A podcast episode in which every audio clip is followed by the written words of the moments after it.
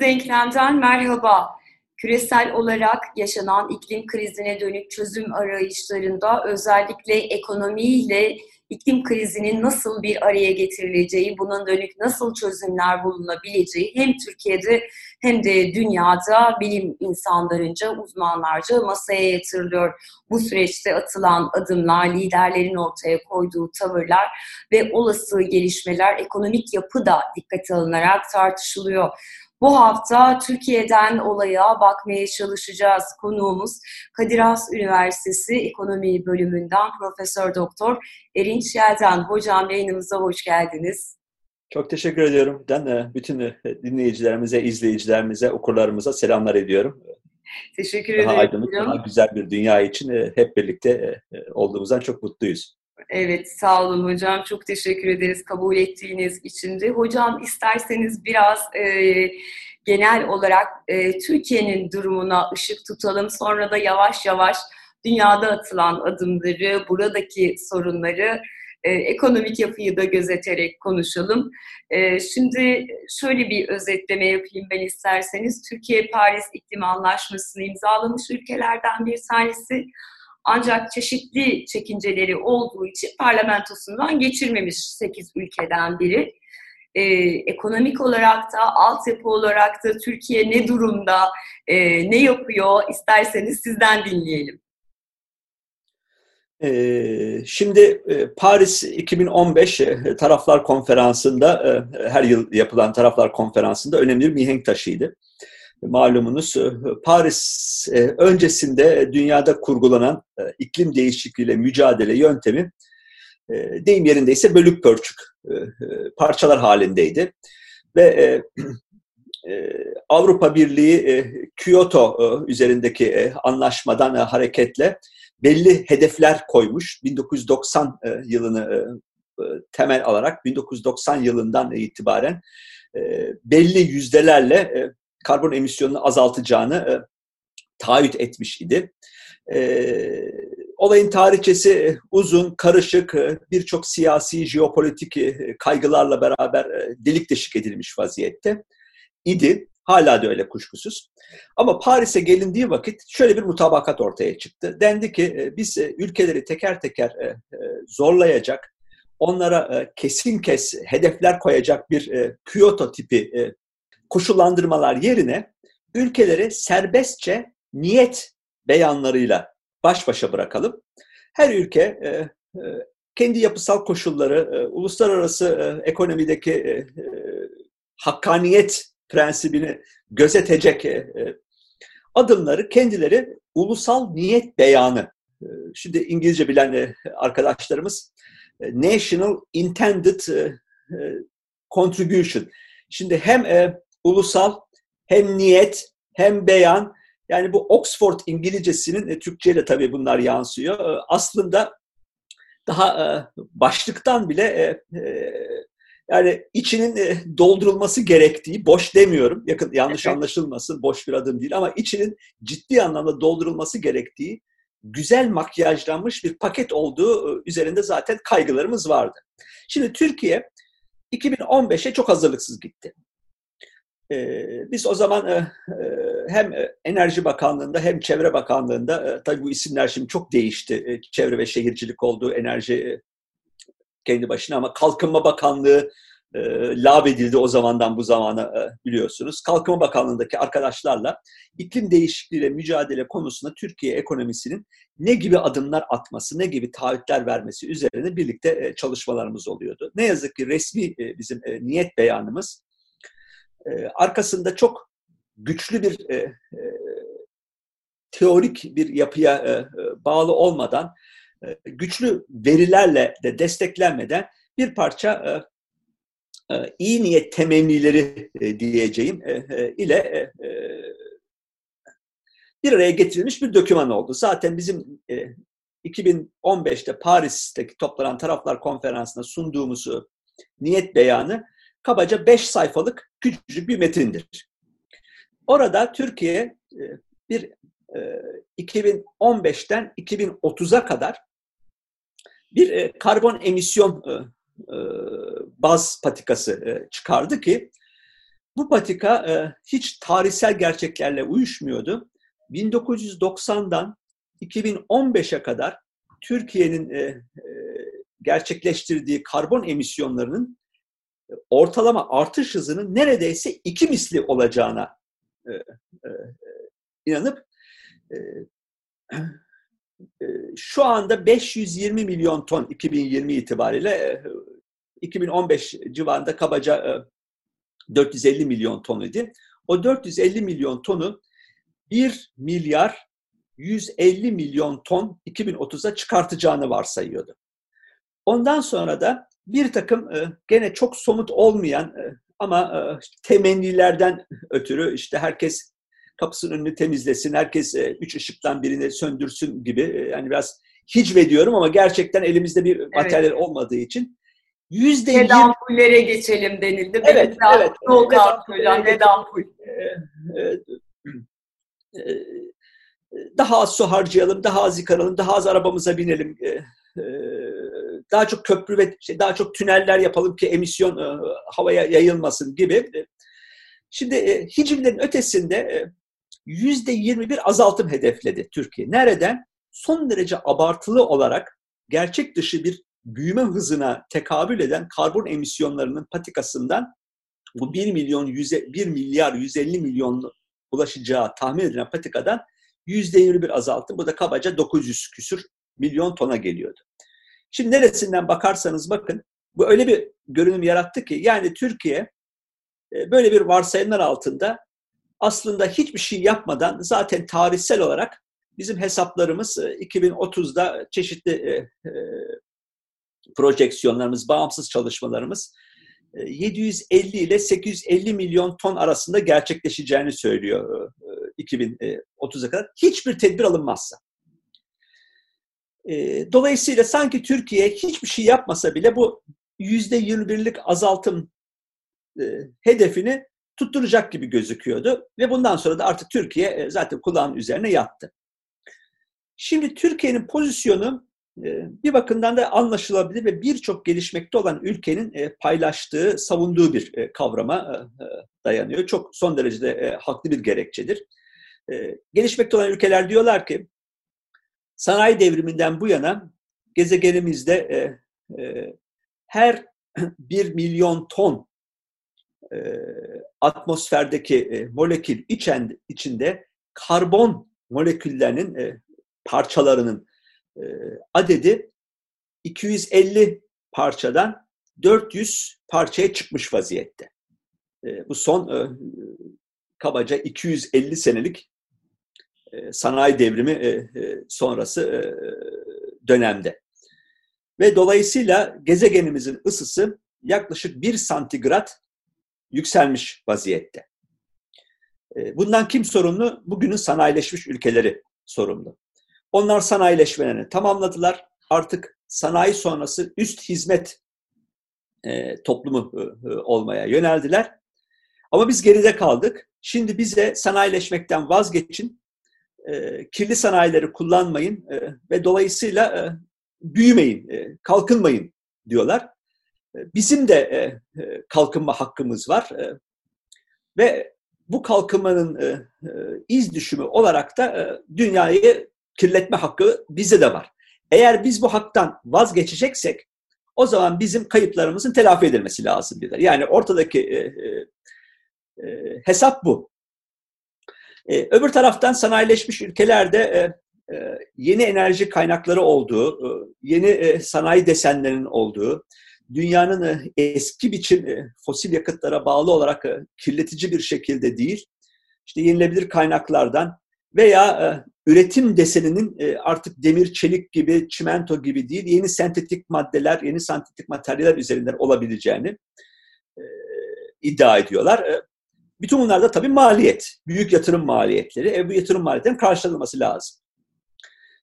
Dolayısıyla Türkiye pozisyonunu ee, bekle ve gör, hiçbir şey yapmadan atıl olarak e, Paris e, mutabakatını e, meclisten geçirmeyen, meclisinden geçirmeyen şu ana kadar 5 veya 6 ülkeden bir tanesi. 200'e yakın ülke bunu mutabakata olur demiş durumda. E, Türkiye'nin 2018 yılı en son e, verilerimiz 2018 yılı itibarıyla bir yıllık sera gazı, karbon dioksit eş değeri cinsinden e, gezegenimize saldığı em, emisyon miktarı 520 milyon ton. Bu 520 milyon ton bütün dünyanın küresel olarak e, saldığı, e, salımını yaptığı e, karbon emisyonu eşdeğeri sera gazlarının kabaca yüzde 0.9'u yüzde 1'i. Türkiye dolayısıyla bunun üzerine yatıyor. Diyor ki büyük kirleticiler tahmin ettiğiniz gibi Amerika Birleşik Devletleri, Çin, Almanya bize çok benzer kömür yoğun çalışan Avustralya, Polonya, Güney Afrika bu ülkeler hele bir üzerlerine düşen ödevleri yapsınlar. Biz şu anda çok küçük bir e, e, sorumluluğa sahibiz. Biz de o zaman düşünürüz. E, şimdi bu ilk bakışta e, e, kabul edilebilir bir gerekçe gibi gözüküyor. Yalnız şöyle bir durumu var Türkiye'nin e, çok aleyhimize ve çok e, olumsuz bir e, görünüm e, arz eden. Fert başına karbon emisyonu artış hızında Türkiye e, dünyada OECD ülkeleri arasında en hızlı artış gösteren Kore ile beraber iki ülkeden bir tanesi. Emisyonumuz az fakat çok hızlı artıyor. Evet. E, bir başka önemli e, uluslararası karşılaştırma her bir dolarlık milli gelir üretiminde salınan karbondioksit miktarı, buna karbon yoğunluğu diyoruz. Türkiye'de kabaca 450 gram kadar her bir dolar e, milli gelir tında.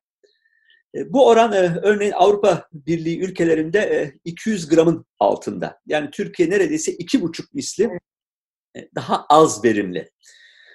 Dolayısıyla hem daha az verimli, daha yüksek yoğunluklu bir karbon teknolojisiyle çalışıyor Türkiye ekonomisi. Hem de artış hızı bakımından çok yüksek bir tempoda.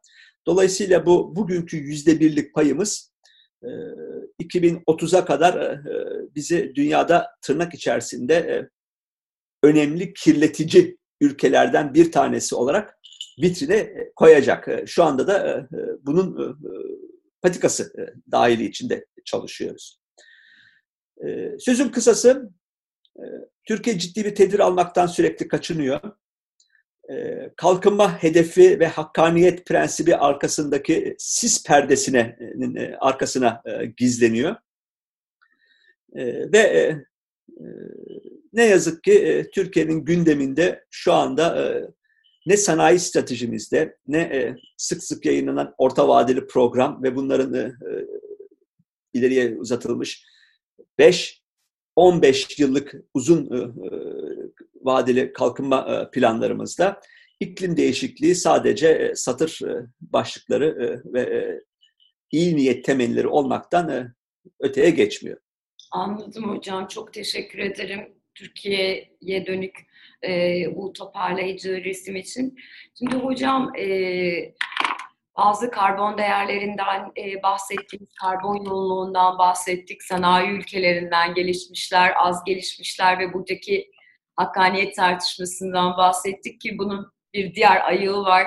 E, umuyorum ona da değinebiliriz. E, petrol üreticilerinin de bizi kalkınma ve iklim arasında bırakıyorsunuz diye bir çıkışları vardı ama ben şunu merak ediyorum hocam. Şimdi bu ekonomik olarak e, adaptasyondan bahsedilirken 21. yüzyıldaki her ekonomi kitabının özelliklerinden bir tanesi bize finanstan, finans kapitalden, finans sermayesinden e, bahsediyor olması. Yani ben örneğin hani petrol çalışan biri olarak e, şey diyebiliyorum neredeyse fiziksel piyasanın e, 10 katı kadar petrol e, finansal piyasalarda işlem görüyor. Yani aslında kağıt petrol dediğimiz bir karşılığı olmayan petrol ve bu bir işte fiziksel fiyatları domine edecek kadar da güçlü bir e, yapılanma ama bu Tabii petrolle sınırlı değil. Hani ben oradan baktığım için böyle görüyorum. Peki bu finansal yapıyı ekonomideki yani küresel ekonomideki bu e, dönüşüm ve değişimi dikkate aldığımızda e, işte yeşil mütabakat ya da Paris Anlaşması ya da iklime dönük çözümler e, adapte edilebilecek mi? Ee, sevgili Mühtan, e, şimdi e, birçok umut verici çıkış var kuşkusuz ortada. Yeni yeşil düzen,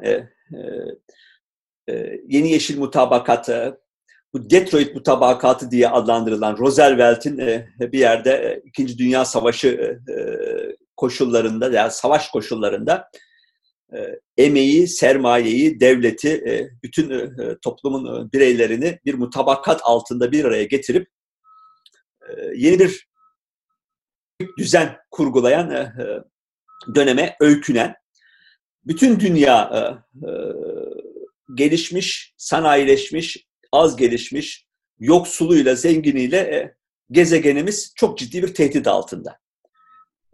Bu tehditin boyutları aslında şu günlerde yaşadığımız Covid krizi bunun doğrudan bir yansıması.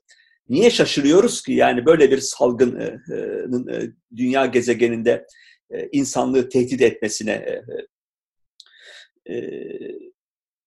Ulus Birleşmiş Milletler'in örneğini devletler arası iklim değişikliği paneli IPCC gezegenimizin ısısının bir buçuk santigrat dereceye ulaşması noktasını çok kritik kabul ediyor.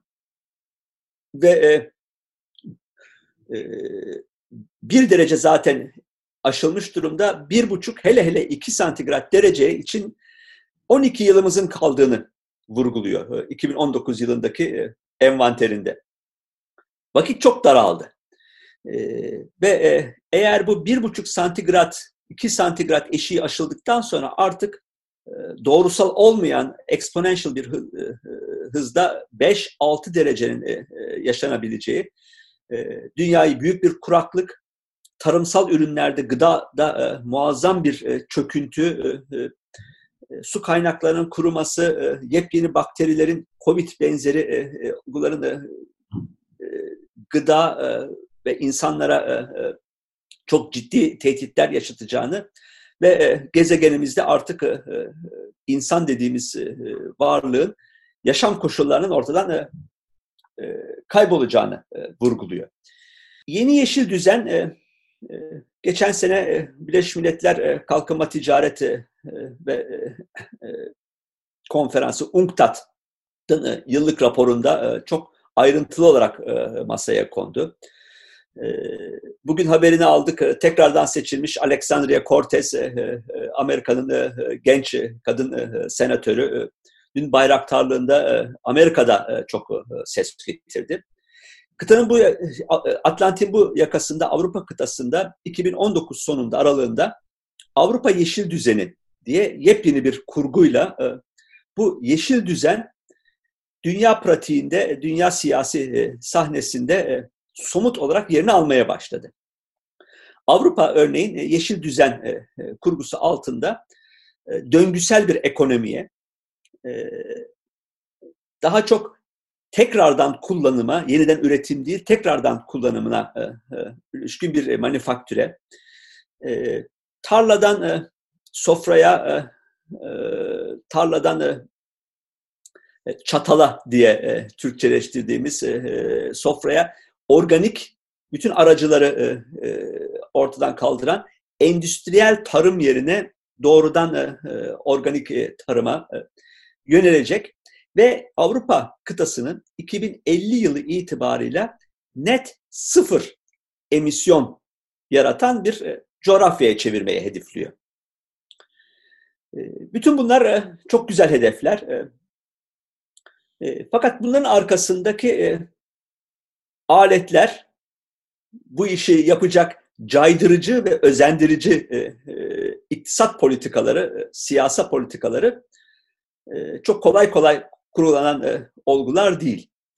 Örneğin e, Avrupa Birliği, e, Avrupa Yeşil Düzeni'nin e, direktifleri altında kendi e, ülkelerinden e, e, daha çok kirletici olan e, çimento gibi, demir çelik gibi, e, otomotiv gibi, e, makina e, teçhizat gibi, ulaştırma gibi sektörlerin giderek çevre standartlarının daha düşük olduğu üçüncü dünya ülkelerine kayacağı endişesi taşıyor. Bu yüzden o ülkelerden gelecek olan e, e, ihracatı yani Avrupa'ya yapılacak olan ithalatı sınırda karbon düzenlemesi diye bir sistemle vergilendirme ve caydırmaya düşünüyor. Buna Türkiye de dahil. E, biz bu konuda e, daha henüz elimizde çok somut veriler olmamasına rağmen kabaca e, Türkiye'nin e, e, bu Avrupa yeşil düzenine taraf olmaması durumunda karşılaşabileceği e, e, ihracat e, vergilendirmesi diyeceğiz. Yani e, her ihraç ettiğimiz malın içerisinde e, içerilen karbon miktarına bağlı olarak Türkiye cezalandırılacak. E, karbonun e, tonu e, Avrupa'da 30 avro ile 50 avro arasında gerçekleşeceği düşünülüyor. E, bunun şu anda teknik sonuçlarına girmek istemiyorum ama Türkiye'nin milli gelirinin yüzde birine, bir buçuğuna yakın bir vergiyle karşı karşıya kalabileceği muhakkak. Eyvah hocam bu durumda herhalde yine bizde artan araba fiyatları, akaryakıt fiyatlarıyla kesinlikle, kesinlikle bize ödetecek o faturayı yine. Kesinlikle yani e, e, Avrupa Birliği ile olan ilişkilerimiz, işte ihracatımızın kabaca yarısını e, sürdürdüğümüz Avrupa Birliği'nden ciddi anlamda e, karbon dioksit miktarına bağlı olarak e, bu e, vergi yüküne e, e, maruz kalmamız çok büyük olasılık. Evet. Fakat şimdi ben e, konuyu e, sizin sorduğunuz soruya dönüştürmek e, istiyorum. Evet. Bütün bu hedeflere Avrupa Birliği örneğin e, bir karbon ticaret sistemi içerisinde ülkelere, şirketlere belli kotalar, karbon kotası, tırnak içinde buna kirletme hakkı, hı hı. karbon e, salım hakkı e, sağlayıp e, teknolojilerinin verimli olmamasından dolayı veya e, e, üretim planlamalarındaki e, e, e, uygulamalardan diyelim e, dolayı eğer e, şirketler bu karbon kotasını, bu karbon kirletme hakkının üzerine çıkarlarsa bunu piyasadan daha az karbon salan şirketlerden satın alacaklar.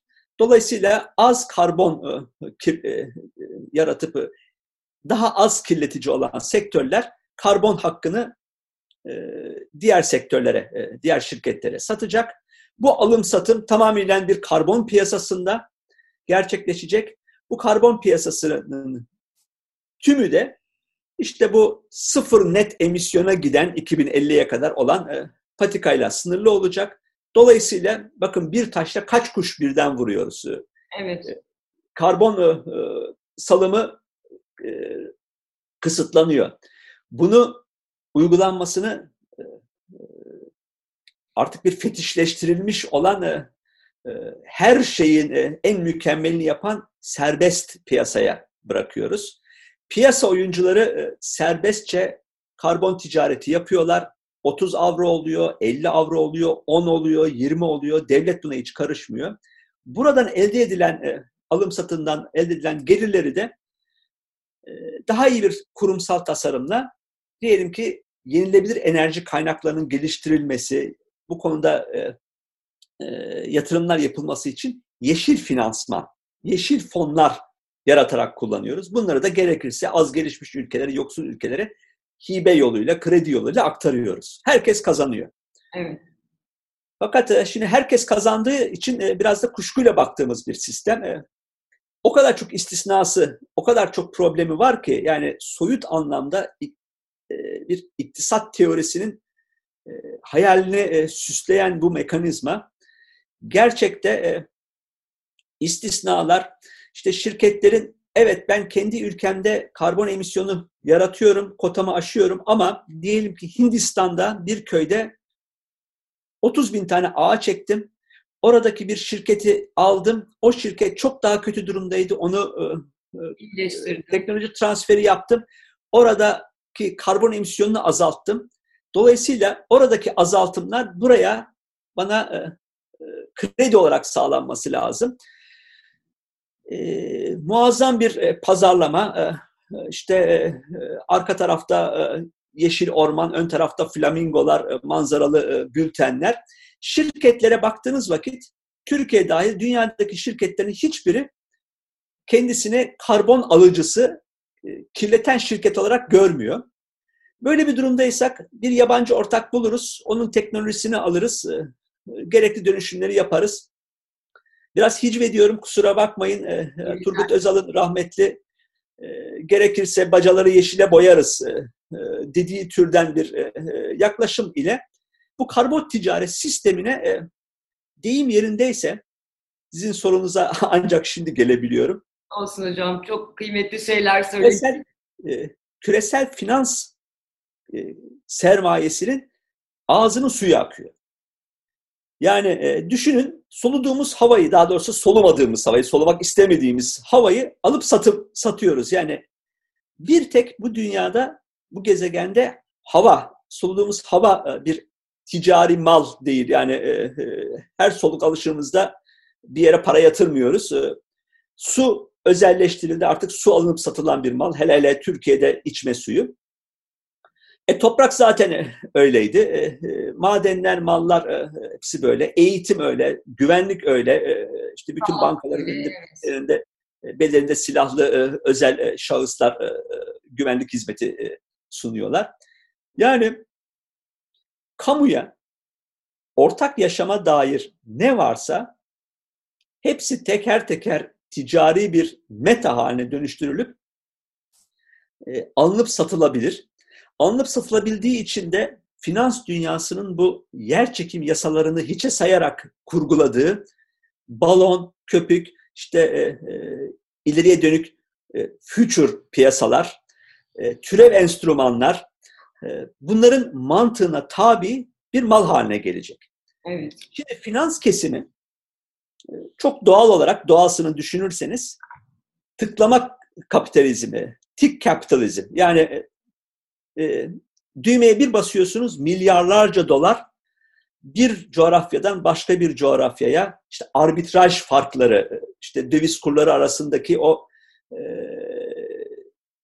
aradaki farklara e, saklanmış finansal gelir olanaklarını e, elde etmek, sömürmek için e, bir sürü içgüdüsü içinde milyarlarca dolar bir o tarafa akıyor, bir bu tarafa akıyor.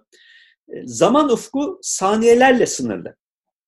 Şimdi zaman ufku saniyelerle sınırlı olan bir sistemi siz 2030, 2050 sanayi devriminden bu yana yüzyılın sonuna kadar gibi çok uzun, çok sabır gerektiren e, yatırımlar e, gerektiren ve çok büyük olasılıkla da büyük sosyal maliyetler içerecek yatırımları göğüslemesini bekliyorsunuz. Bu mümkün değil. Şimdi dolayısıyla sözün kısası Amerika'da e, Sayın e, Senatör e, Alexandria e, Cortez'in kurguladığı Avrupa'da e, Avrupa Yeşil Düzeni diye kurgulanan Kesinlikle e, e, ikinci plana etmiyorum. Kesinlikle değersiz, yanlış demiyorum. Ama gerçekçi olarak böyle bir küresel finansallaşmanın içinde kurgulanmış olan mekanizmanın e, caydırıcı, yani fosil yakıtları caydırıcı, yenilebilir enerji ve tüketim desenini değiştirmeyi özendirici iktisadi aletleri uygulama şansının neredeyse olmadığını düşünüyorum. Ama dünyadaki uluslararası iş bölümünün e, gerçeği o ki e, ulus ötesi şirketler hem üretimde hem pazarlamada dünyada e, çok önemli bir paya sahip. Bugün küresel toplam emisyon miktarı kabaca 30 bin milyar ton karbon Buna gigaton diyoruz. Hı hı. Bu 30 gigatonun e, yüzde otuzunu aslında 24 büyük ulus ötesi çoğu enerji ve tarım sektöründe e, e, konuşlanmış Exxon gibi işte Chevron gibi, Par gibi 24 şirket dünyadaki emisyonun yüzde otuzundan sorumlu. Ee, tek başına Exxon mesela 615 milyon ton ee, geçen seneki e, karbon emisyon miktarı Türkiye'den daha fazla. Tabii. Keza BP, British Petrol 554 milyon ton. Bunlar teker teker %3, %4'lük paya sahipler. Şimdi dolayısıyla biz ülkeler düzeyinde yeşil mutabakatlar, işte düzenlemeler, regülasyonlar, ihracat vergileri, karbon ticaret sistemi kurgularken ulus ötesi şirketler dünya ölçeğindeki üretimlerini idari kararlarla bir taraftan öbür tarafa aktarıp bu tasarımları hiçe çıkartacak fosil yakıtlara bağlı e, e, üretimi, teknolojiyi e, sürdürecek adımları rahatlıkla atabiliyorlar. Asıl olan ülkeleri değil, ulus ötesi şirketleri de bu resmin içine çekip onların e, e, üretim kararlarını, teknoloji kararlarını değiş dönüştürecek adımlar atmakta. E, bunun içinde e, e, değil e, Türkiye'nin, Avrupa'nın, e, Amerika'nın tek başına gücünün yetmeyebileceğini e, de e, öngörmek saftirlik değil. Anladım. Çok teşekkür ederim hocam. Çok e, kıymetli bir toparlama oldu. Hem e, yeşil mütabakat dediğimiz e, bu sürecin getirebileceği işte karbon ticaret piyasasından bahsettik. Bunun nasıl bazı ekonomi e, çevrelerinde iştah kabartıcı bir hale dönüştüğünden, yeni bir e, metalaşma sürecine artık havanın da ekleneceğinden e, bahsettik ve Türkiye'nin de küresel ölçekte yerinin altını çizdik ama e, en önemli vurgularınızdan bir tanesi benim de dikkatle anlamaya çalıştım. Şirketler, evet hep devletlerden bahsediyoruz, devletler arası mütabakatlardan bahsediyoruz ama kimse de e, Rockefeller ailesinin Exxon'una ya da e, Hollanda, İngiltere ortaklığındaki bir şirkete e, tarım üretimi yapan uluslararası tarım şirketlerine siz ne yapıyorsunuz? Sizin öngörünüz nedir? Bu resimde nasıl bir sorumluluk alacaksınız demiyor. Diyorsa da bunu yüksek sesle söylemiyor gibi görünüyor. E, o nedenle ağzınıza sağlık. Çok e, kıymetli bir toparlama oldu bizim için.